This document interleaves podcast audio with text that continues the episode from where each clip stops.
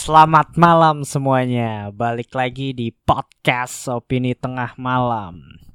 Nah, jadi setelah kita break selama satu bulan ya, akhirnya kita balik lagi di season 4 ini gitu.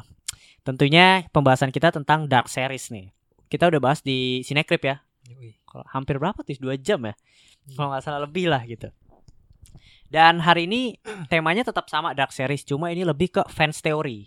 Jadi teori-teori apa aja sih yang ada di season 1, season 2 dan tentunya prediksi di uh, season 3 nanti gitu karena itu kan terakhir. Oke, langsung aja kita masuk di podcast diskusi opini tengah malam.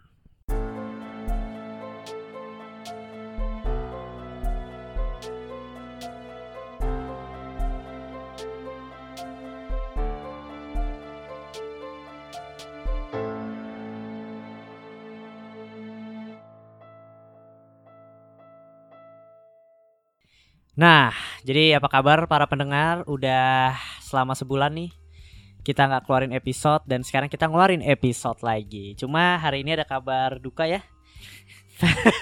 Salah satu personil kita keluar ternyata. ya diserang dia oleh pandemi. Enggak deh. Jadi Ferdian nggak nonton Dark Series, jadi dia nggak ikut gitu. Jadi kita undang narasumber makanya kan. Itu orang itu. Nah ini orangnya jaga kamera, Fed. Say hi, Fed.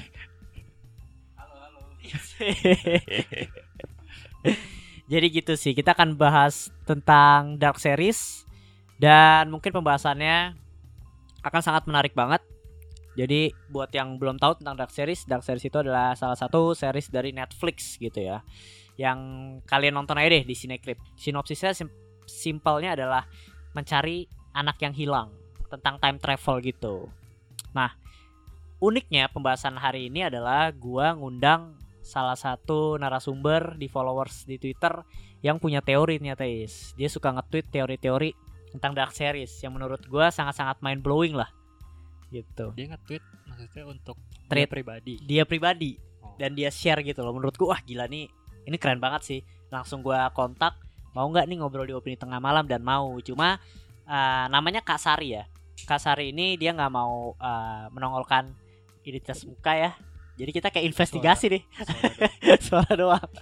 Awalnya sih saya coba-coba. Jadi mau suara doang, mungkin nanti ini ada Namanya space ya. samaran ya. Apa? Jangan namanya nama samaran. Gue juga gak tahu sih kalau itu. Tapi kita ada space di sini mungkin nanti kalau di YouTube nih ada ada ininya list ya. Apa sih?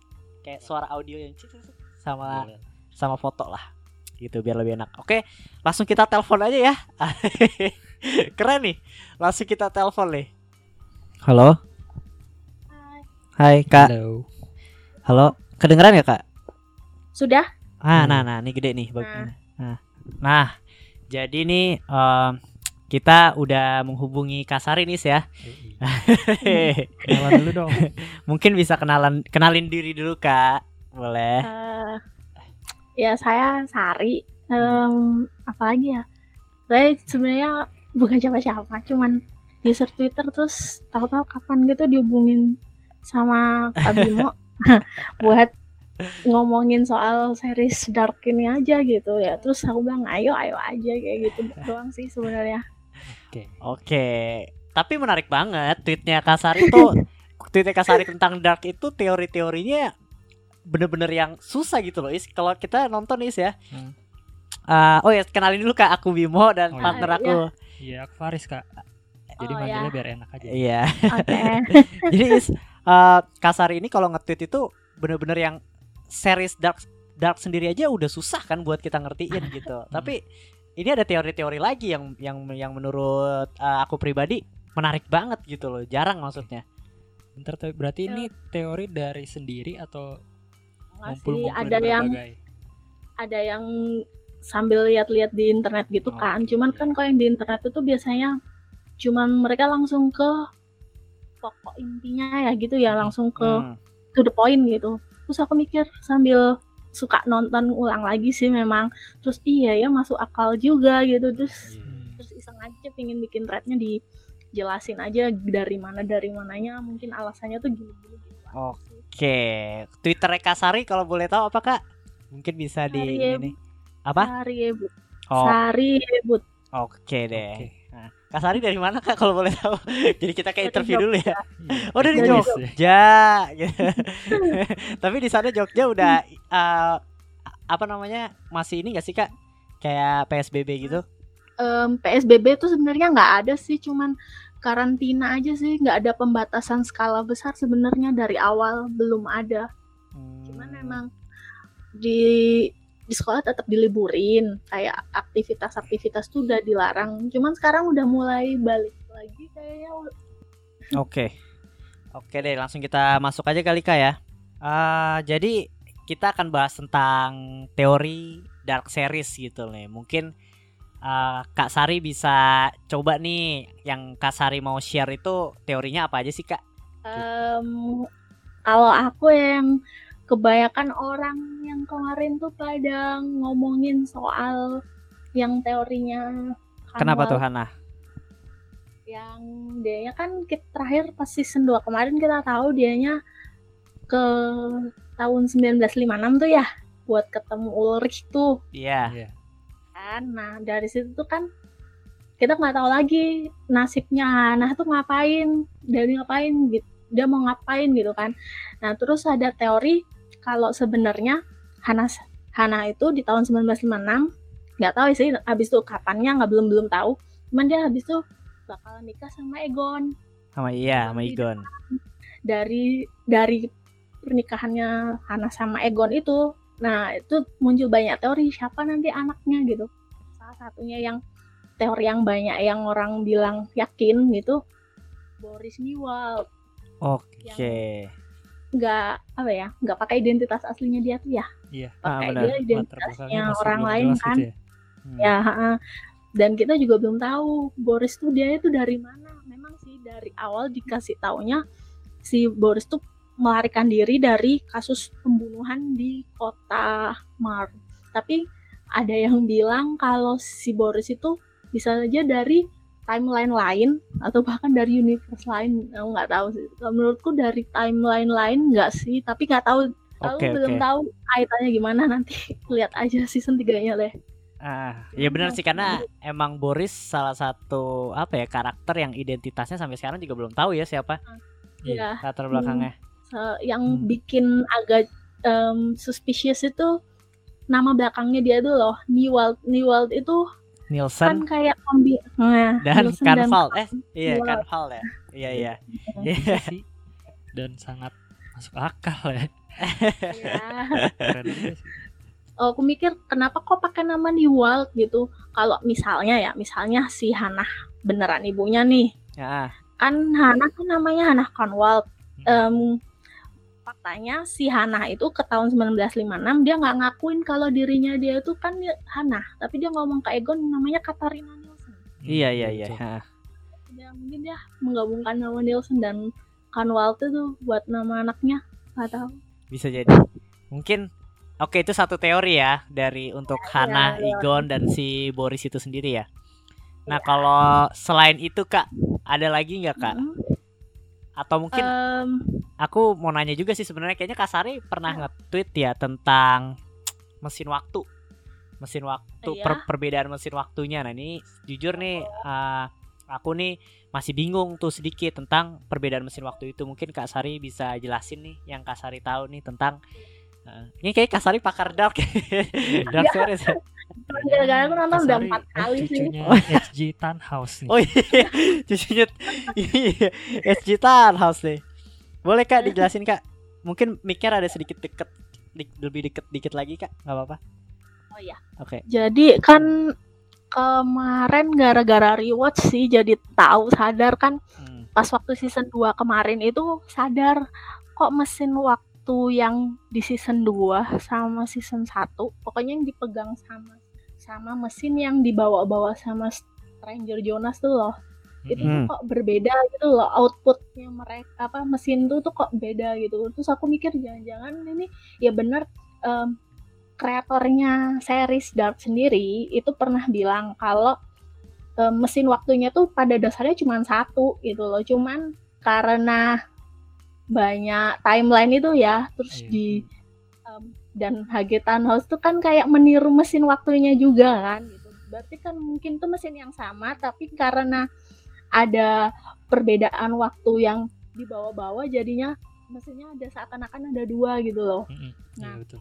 dari situ tuh mikir tapi kok bisa berbeda outputnya ya jadi mesin yang dibawa sama Stranger Jonas yang buat nutup em, guanya itu loh jalan guanya itu kalau diperhatikan pas waktu muncul yang bulatan black hole-nya itu tuh sebelumnya kan berwarna biru ya cahayanya kebiru biruan gitu Ah, loh kan.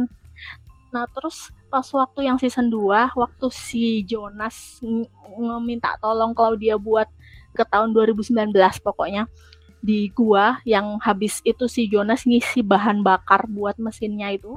Iya benar. Itu tuh em, si mesinnya itu kayak mancarin cahaya kuning gitu loh. Nggak apa nggak Hmm. bersin nggak bersinar eh be- bersinar biru tapi bentuknya spiral gitu loh. Nggak nggak kayak kilatan petir gitu. Nah, Hmm. jadi pas waktu di atas em, bunker yang waktu si Martanya dikurung sama Jonas biar nggak mati lah Iya istilahnya. iya. Itu tuh kan dia kaget kenapa ada cahaya biru berpendar yang spiral gitu sedangkan yang di season 1 waktu si Jonasnya nutup jalan guanya outputnya itu lingkaran di mana Jonas sama Helge yang sentuhan tangan itu loh. Hmm, Yang ketuker ya mereka akhirnya. Ah, ah, yang ketukar tempat kelempar waktunya itu kan gitu. Bedanya kok di situ gitu. Dan terus habis itu yang si Katarina waktu masuk jalan guanya itu ada cahaya kuning kan di situ yang gara-gara output mesinnya sama Jonas diaktifin itu. Hmm. Dari situ tuh aku mikir em, mesin yang dibawa Jonas sama Claudia yang ditemukan Claudia lah istilahnya karena dia akan dikasih tahu sama Claudia tua kan mungkin itu Oh. mesin generasi pertama dari mesin yang dipegang sama Alt Marta kalau aku mikirnya Oke. kayak gitu Jadi berarti udah udah ngelit ke universe yang berbeda ya? Iya Hmm. dari situ aku mikirnya gitu sih Tapi soalnya di itu yang pas waktu di ruangan Sigmundus ya si Jonas kan ditunjukin sama Adam iya, tentang apa sih partik- uh, mesin partikel Tuhan ya bukan? part Ah, ya Hmm. nah itu tuh kan sebelumnya ditunjukin kayak macam apa sih namanya em, struktur mesin-mesinnya dalam Oh, iya. figura-figura banyak tuh Yang mana itu ya? ada dua mesin ada yang, kok yang di dibingkai gitu bukan sih? Yang ya dibingkai. blueprintnya Iya, mesin-mesin blueprintnya. ada oh yang iya iya iya iya ingat ingat ingat Ya, blueprintnya. itu Ah. ada blueprintnya kan. Hah. Di situ ada dua dua gambar untuk mesin yang sama. Yang satunya itu dikasih kode A, yang satu Hmm. dikasih kode B. Nah, aku mikir berarti itu dua mesin sebenarnya. Ya. Iya, iya. Oke. Jadi sih. Kalau seandainya partikel Tuhan sendiri tuh Kasari Hmm. tahu nggak sih kak? Bisa ngejelasin nggak sih Aku kak? aku nggak nggak- nggak berani jelasin banyak, belum baca ya. Itu kan ada kaitan sama fisika ya, sama teori Iya Albert. Einstein. aku aku tadi tuh thread orang bahas tentang dark matter loh. Cuman bahasa Malaysia aku nggak bisa ngerti. Jadi aku, Berarti ya Ada pertanyaan lagi nih aku kak. Ini ya. mungkin Kasari bisa bisa jawab ya. Eh, Jadi mesin waktunya Noah itu bedanya tuh apa kak? Yang Noah Noah- gunain tuh yang ngebunuh anak kecil. Yang pertama Oh, yang kursi. Iya, kursi itu. Tuj- pertama tujuannya Noah tuh apa sih ngebunuh anak kecil gitu loh. Yang kedua, kenapa dia pakai kenapa dia mesin buat mesin waktu sendiri gitu. Kenapa dia nggak lewat gua aja gitu loh. Aku tahu ini tahu aku juga tahu dari internet sih. Ah. Cuman em, urutannya memang belum jelas. Cuman aku mikir gini, kan si Adam pernah ngomong setiap perubahan sesuatu itu pasti ada progres. Misalnya bangun bikin mobil, pertama orang pakai kuda, terus habis itu ada gerobak, terus nanti Ah. lama-lama ada mobil gitu. Nah itu merujuk ke satu em, Ntar dulu, Kak. Noah muda Gimana kak? Tadi merujuk ke mana kak? em, merujuk yang si Adam waktu tahun eh Adam yang cerita sebelum ada mobil kan mesti ada kereta kuda dulu. Oke. Terus Oke. ada kuda nah itu mungkin urutannya em, jadi tahun 1921 Noah sama Bartos ya yang waktu itu bangun buat Hmm. gua tapi kan belum selesai tuh belum jadi Hmm. guanya kan kita tapi nggak tahu ya jadinya kapan kan belum tahu masih misteri Hmm, sampai hmm. sekarang tahu-tahu udah ada ker- apa kursi itu aja kan Iya. di tahun 1986 aku mikir sebenarnya Noah itu mau bikin mesin waktu untuk tahu nggak sih simbolisme Noah I- sama Bahtera. Jadi kursinya itu mungkin dia ingin gunakan untuk menyelamatkan manusia. Jadi dia ingin membawa orang-orang untuk menyelamatkan Oh. dari siklus Apokalips. itu loh. Ah, Ya, jadi dari dia, dia itu kiamat. Jadi dia anak-anaknya di tuh dipakai Adam ya? buat ah. Iya, dibuat uji coba buat nyelamatin orang-orang gitu. Nah, makanya memang pasti ada yang meninggal. Terus yang berhasil itu si Helge itu gitu. Tapi kak, Setelah Mm, tapi kan si Noah itu bukannya baru nggak percaya Adam pas di terakhir ya? Yang dia Iya. baru tahu lembaran-lembaran yang hilang kan? Lembaran Ah, hilang ah. pun sebenarnya aku juga nggak tahu ya itu itu isinya apa gitu loh.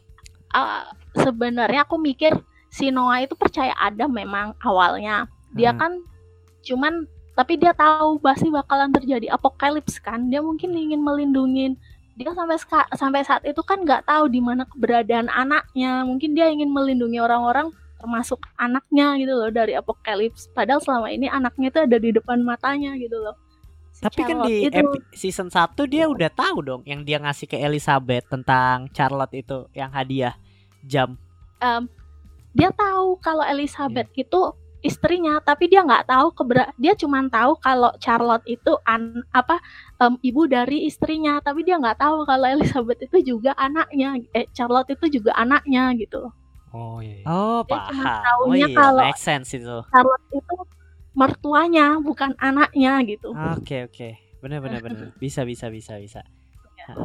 Berarti itu eh, tadi seputar mes- mesin waktunya Noah ya, Bahtera dan Iya tujuannya Noah tadi ya. Oke sih Ya, terjawab mungkin sih. emang dia emang pengen mencoba dengan caranya sendiri kali ya. Iya iya Noah. benar Iya. benar. Heeh. sebenarnya oke. Noah itu ya nggak jajal juga sih dia cuma Hmm. ditipu sama Adam juga Iya, sebenarnya ternyata pas kita tahu tujuan dia yang sebenarnya ya orang baik gitu yang cuma di dimanipulasi aja. Sama Adam. Makanya iya benar benar benar benar. Oke, terus ada lagi nggak Kak? Kalau seandainya ini Kak angka 33, siklus 33.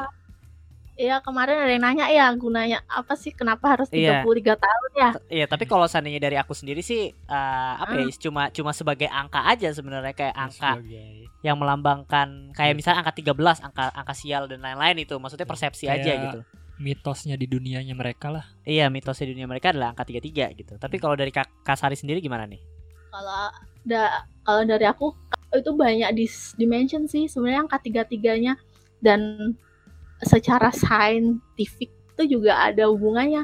Jadi kayak yang si Charlotte kan pernah ngomong ada mito apa sih bukan? Ada tentang istilah lunar moon cycle yang selama 33 tahun. Jadi kayak em, penanggalan bulan Hijriah sama Masehi itu kan nggak pernah oh, hitungannya nggak sama ya Hmm. tapi nanti setelah 33 tahun em, penanggalan bulan Hijriah itu nanti waktu bakalan em, tanggal itu bakalan sama persis sama 33 tahun sebelumnya. Jadi misalnya lebaran nih jatuh pada misalnya ta- misalnya Senin tanggal 14 Februari 2050 misalnya.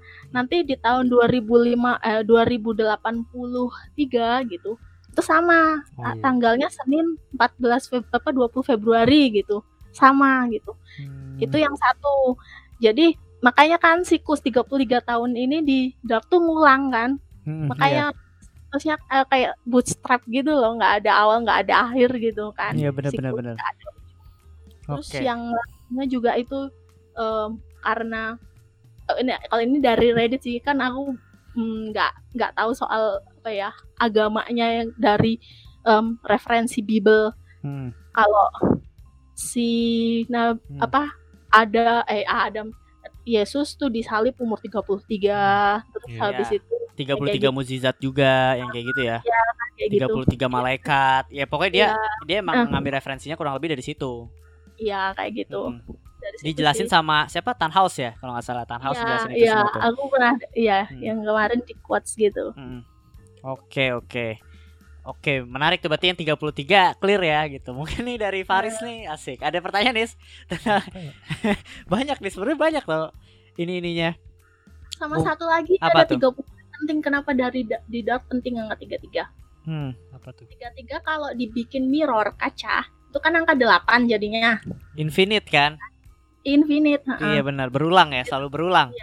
iya Oke, eh, ini sebenarnya ada satu pertanyaan lagi sih. Eh, aku sama Faris sebenarnya udah ya paham, punya pemahaman sendiri ya terhadap terhadap eh, goanya tuh kenapa sih bisa akhirnya muncul Hmm. atau bisa melakukan perjalanan waktu 33 tahun atau 33 tahun ke depan atau ke belakang gitu. Awal mulanya itu kenapa sih? Nah, ini kalau seandainya dari aku sendiri ya, itu beranggapan bahwa goanya itu kan nggak ada akhir, nggak ada awal ya tercipta akibat ledakan apokalips yang terjadi di 2019 yang ending di season 2. Nah, itu Oh, akhirnya mempengaruhi eh, atau ngebukanya goa itu. Jadi bisa perjalanan waktu. Hmm. Jadi bisa time travel gitu loh. Ya. Mempengaruhi yang tahun 1921. Gimana kalau dari Kasari sendiri? kalau aku ya Hmm. em, kan pernah disebut tuh di tahun 1986 di musim panas Hmm. ada ke suatu kebocoran terjadi di PLTN kan yang disembuh dicoba untuk Ah, iya iya iya. sama Ah. band Doppler. Ah, iya iya. Nah, itu mungkin bisa saja memicu terjadinya apalagi posisi PLTN itu terletak di atas gua itu. Hmm. Cuman nggak pas sih sebenarnya jalannya, yang jalannya tuh persis di atasnya bunker sebenarnya, nggak pas di PLTN-nya sih. Cuman em, tempat menimbun drum-drum yang berisi apa sih? Apa ya? Cetasium apa Iya, cetasium 124 apa berapa gitu? Heeh, Ah. kayak gitu. Itu kan disembunyiin di gua kan, Hmm. di salah satu em, lubang gua gitu. Mm. Mungkin saya memang belum dijelasin sih apa kasusnya termasuk sama matanya Waller itu. Hmm, iya itu juga itu mesti jadi Iya. misteri sih. eh. Mungkin ada salah satu kaitannya dari itu kebocoran di PLTN terus memicu adanya wormhole yang bisa menghubungkan jalan ketiga timeline itu tadi. Hmm, Oke, berarti dari yang tahun 1986 ya? Iya, itu belum di reveal sih Iya. iya, kejadiannya kayak gimana belum tahu gitu.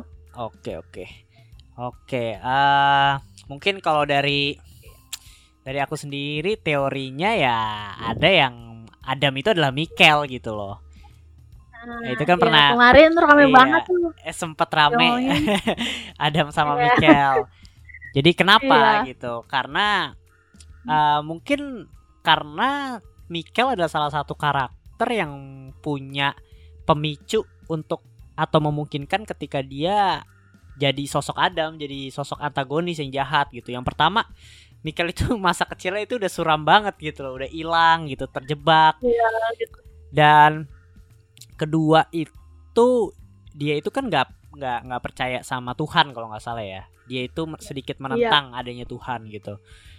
Dan keempat dia itu kan karena kan Adam kan ada ini ya bekas lehernya ya, luka di leher itu kan. Hmm. Nah, yang punya Ya, luka di leher kemungkinan besar itu ada si Jonas dan Mikel karena Mikel yang bunuh diri itu loh. Mm-mm. Nah, pas bunuh diri Oh, karena Mikel itu menggemari siapa yang namanya Houdini. Houdini yang pesulap itu mungkin aja itu hanya bagian dari triknya dia gitu. Dan itu sedikit memungkinkan ketika di ending dia ya dia udah bener-bener pengen melawan Tuhan dan waktu lah yang yang menjadi ininya dia. Mm. kayak gitu sih. Makanya dia kayak ngebunuh Marta dengan mudahnya di season akhir gitu. Tapi itu hanya teori gitu. Kita kan nggak tahu sebenarnya. Sama ada lagi sih sebenarnya yang bikin aku agak percaya kalau Mikel itu Adam di awal si- em, di apa namanya ya studio lukisannya ya studio melukisnya si Mikel. Ah. Itu kan kayak lukisan tentang part God particle. Yang satu partikelnya itu bentuknya tuh aut-autan nah itu yang God particle yang di season pertama dan kedua itu. Satu lagi tuh ada yang bentuk God partikelnya tuh persis kayak yang di teaser kemarin jadi dihubungkan sama fans bisa aja tuh Michael Adam soalnya dia bisa kok bisa menerka bentuk God particle tuh kayak apa? Dan kenapa lukisannya dia selama itu warna hitam semua gitu loh. Menarik nih. Ini menarik nih baru tahu nih. Jadi Bahkan terhubung ya semua. Iya iya. Maksudnya jadi jadi relate gitu loh semuanya. bahkan si Jonas ngelihat Adam apa ya dapat be- flashback Adam tuh kan eh Mikel flashbacknya Mikel itu kan dia kayak berlumuran cat hitam gitu kan dari si cetasium itu yang buat materi pem- Oh. Yang ter yang di season 1 ya, yang dia yang dia Anak. apa namanya? Si Jonas ngelihat dia ya, ngelihat Mikel ya. Kan Jonas ngelihat Ah. Mikel dan berlumuran kayak apa cat namanya? hitam ya cat hitam Hitam. gitu ya. Oh, itu. itu oh, ada iya. yang aja itu materi dari cetasium yang God particle bisa aja tuh jadi merujuk kalau dia itu si Adam gitu si Mikel Wah, bisa jadi sih gitu tapi gimana ya gitu bayanginnya gitu Oke, oke, oke. Iya ya, menarik nih. Cuma gue masih belum nemu motifnya dia sih. Atau mungkin belum Iya. di Iya ya, belum belum belum. Mungkin belum ya. Tapi kita nggak kita nggak tahu maksudnya possible aja terhadap terhadap terhadap itu. Oke. aku 50-50 juga gitu Iya karena kalau aku sendiri sebenarnya lebih ini sih lebih Adam itu Jonas kayaknya sih. ya itu juga soalnya di season 3 di reveal kan ada if Iya iya. akhir trailer Hmm. kayak kalau Adam itu Mikel kenapa si If itu bakalan Alt Marta gitu loh kayak kenapa adiknya sendiri eh kakaknya sendiri gitu. Oke. iya. Benar benar benar. Benar sih menarik sih, Kak. Terus mungkin ada lagi, Kak? Ada yang teori apa lagi atau mungkin prediksi untuk season 3 nih? ah, kalau aku nanya sih tapi aku nggak tahu gimana ntar mungkin eh, Bimo sama Kak siapa satunya Paris. Paris. Kak Faris bisa tahu mungkin atau teori sendiri kalau aku sih per- eh, mikir Peter itu bukan anaknya Helga deh Kenapa tuh? Ya, soalnya nggak mungkin aja Helga bakalan punya anak dan menikah gitu dengan kondisi psikis dia yang sejak kecil kan dia. Ya tahu sendiri kan dia di antemin sama Iya iya. Ulri terus Ah, dia udah kondisi mentalnya dia tuh udah terganggu karena Noah gitu di suruh-suruh mulu kan gitu. Terus Hmm. kapan dia bakalan punya anak gitu. Dan status si Peter itu belum jelas gitu. Dia kan tahu-tahu aja datang ke Winden gitu dari luar kota. Sementara series Dark sendiri itu em, apa ya muter aja di keempat keluarga itu yang orang-orangnya biasanya dari kecil sampai dewasa sampai tua ya di Winden itu sendiri gitu loh nggak nggak dari mana-mana gitu jadi tahu-tahu muncul ada Peter Peter gitu kayak gimana gitu Bisa aja dia hmm. outsider gitu ya. nah ya aku juga masih mikir dia tuh siapa dan kenapa gitu mm-mm. dia ada di kayak Oke, benar sih. Masuk akal sih sebenarnya. bahas tentang itu dong yang Apa? tiga karakter yang di teaser tuh loh yang Oh, tiga karakternya teaser. Apa tuh? Itu siapa ya? Itu kan juga jatuhnya uh, orang baru ya? itu beneran kayak kayak karakter yang bakalan gebrak deh nanti di season 3 kayaknya mereka bakalan banyak ambil Iya ambil Scene peran deh. sih. Iya dia bakal Iya. ambil peran banget karena uh, apa ya di trailer tuh dia salah satu figur yang cukup krusial sih dari dari yang dia lakukan yang dia ngebakar rumahnya ini ya, Adam ya. dan orang tuh mikir gimana bisa tiga orang dalam eh satu orang ya dalam tiga waktu yang berbeda Di waktu yang sama. Yang sama melakukan hal yang sama gitu berarti mereka mengalaminya selama tiga kali gitu Iya kan ya makanya makanya benar benar benar. Iya benar. Tapi walaupun itu sebenarnya masih asumsi dari kita ya bahwa mereka adalah satu orang yang sama. Ya, Walaupun sebenarnya kemungkinan besar ya, iya benar mereka orang yang sama. karena dari itu kan luka Ah. di bibir Iya luka Kan di gitu. bibir ya. ha. Dan emang ada satu sosok wanita yang membelakangi berambut putih. Ibaratnya iya itu kayak model kayak Ulrich tapi kayak cewek deh. Iya. Kayaknya itu Iya, yang cewek. disebut if deh. if ya Eh, ya Hmm. em, kayaknya tuh if deh soalnya di trailer kemarin kan biasanya narator tuh yang megang kalau nggak suara Jonas Adam ya Hmm. yang suara tua itu kemarin sering banget muncul suara Alt Marta sama suara cewek tua gitu loh itu mungkin si sosok itu tuh yang bakalan ngomong kita nggak tahu tapi Hmm. siapa Ada Apa yang di out- ada yang berteori bahwa itu adalah Marta, ada yang berteori juga bahwa itu adalah Claudia.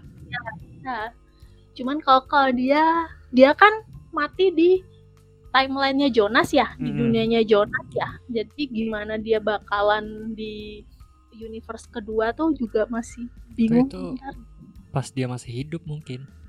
Iya. Cerita dia waktu dia ke parallel universe gitu loh. Hmm. bisa sih Pas dia nemuin Emang- mesin yang mesin yang apa? Prototype itu. ya Oh iya, karena dia juga ngomong ya. Dia Iya. bilang gue pernah ngelihat dunia tanpa lu Jonas gitu loh. Berarti kan ya tanpa Jonas gitu yang yang yang yang mungkin itu di universe lain. Ya bener dong. Yang Martha yang di terakhir itu dia di posisinya Jonas bukan sih? Iya. iya Berarti Jonasnya mati dong di universe dia. Atau Oh iya. pernah Iya. Iya bener dong. Berarti di atau universe mungkin nggak pernah mungkin karena aja nggak pernah juga- ada atau mungkin mati. Iya. ya heeh.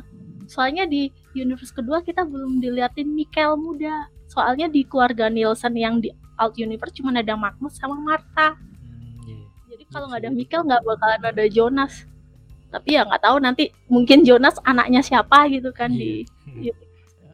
Oke oke, menarik sih, menarik banget, menarik banget. Ada lagi kak? Kira-kira kak teori yang atau yang bisa disampaikan nih?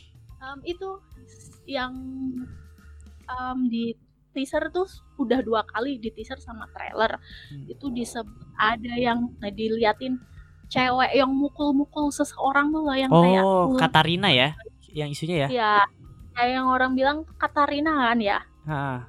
pikir dia itu suster yang ngerau yang kerja di tempat Ulrich dirawat.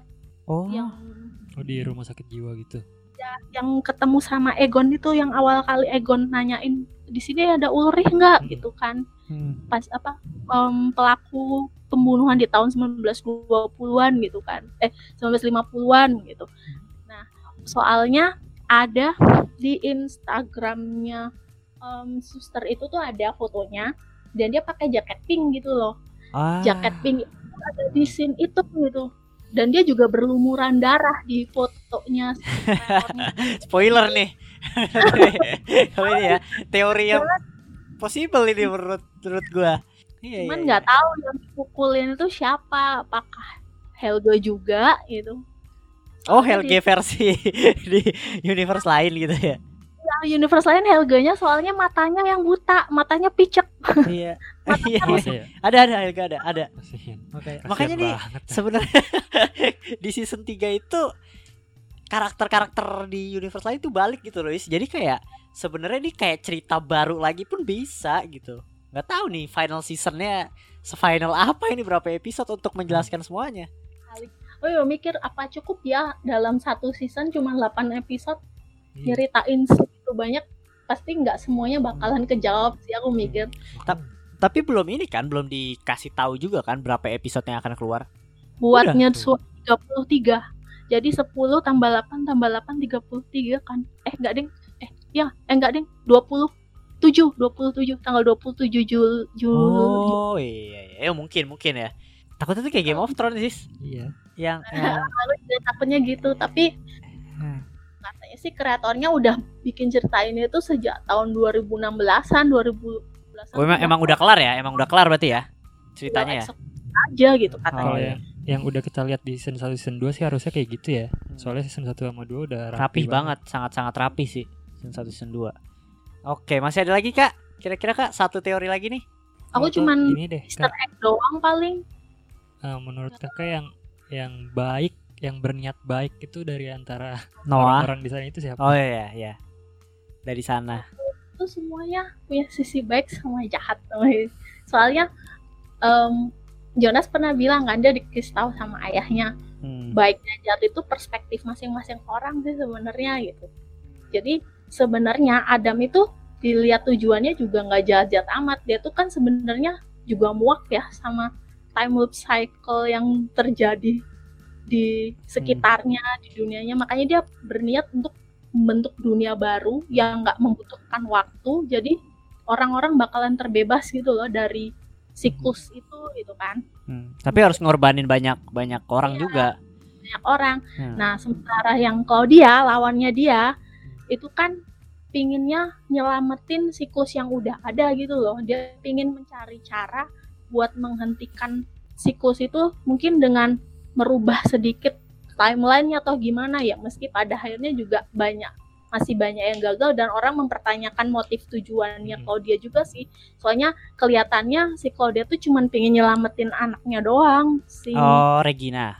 kan dia sakit kanker tuh Hahaha. mungkin kalau si Claudia Regina sama Igon dong sebenarnya Kak. Regina ya ha-ha, dia pengen nyelamatin ayah sama anaknya kan soalnya takutnya dia kalau misalnya ada yang dirubah mungkin saja ntar anaknya bakalan meninggal karena kecelakaan gitu atau ayahnya bakalan meninggal karena hal lain dia nggak mau gitu kayaknya dia kayak di akhir-akhir terlihat kayak ogah-ogahan untuk merubah Oh, Iya sih. Oke. Kalau berdasarkan deskripsi rambut putih itu yang paling ini ya Claudia ya.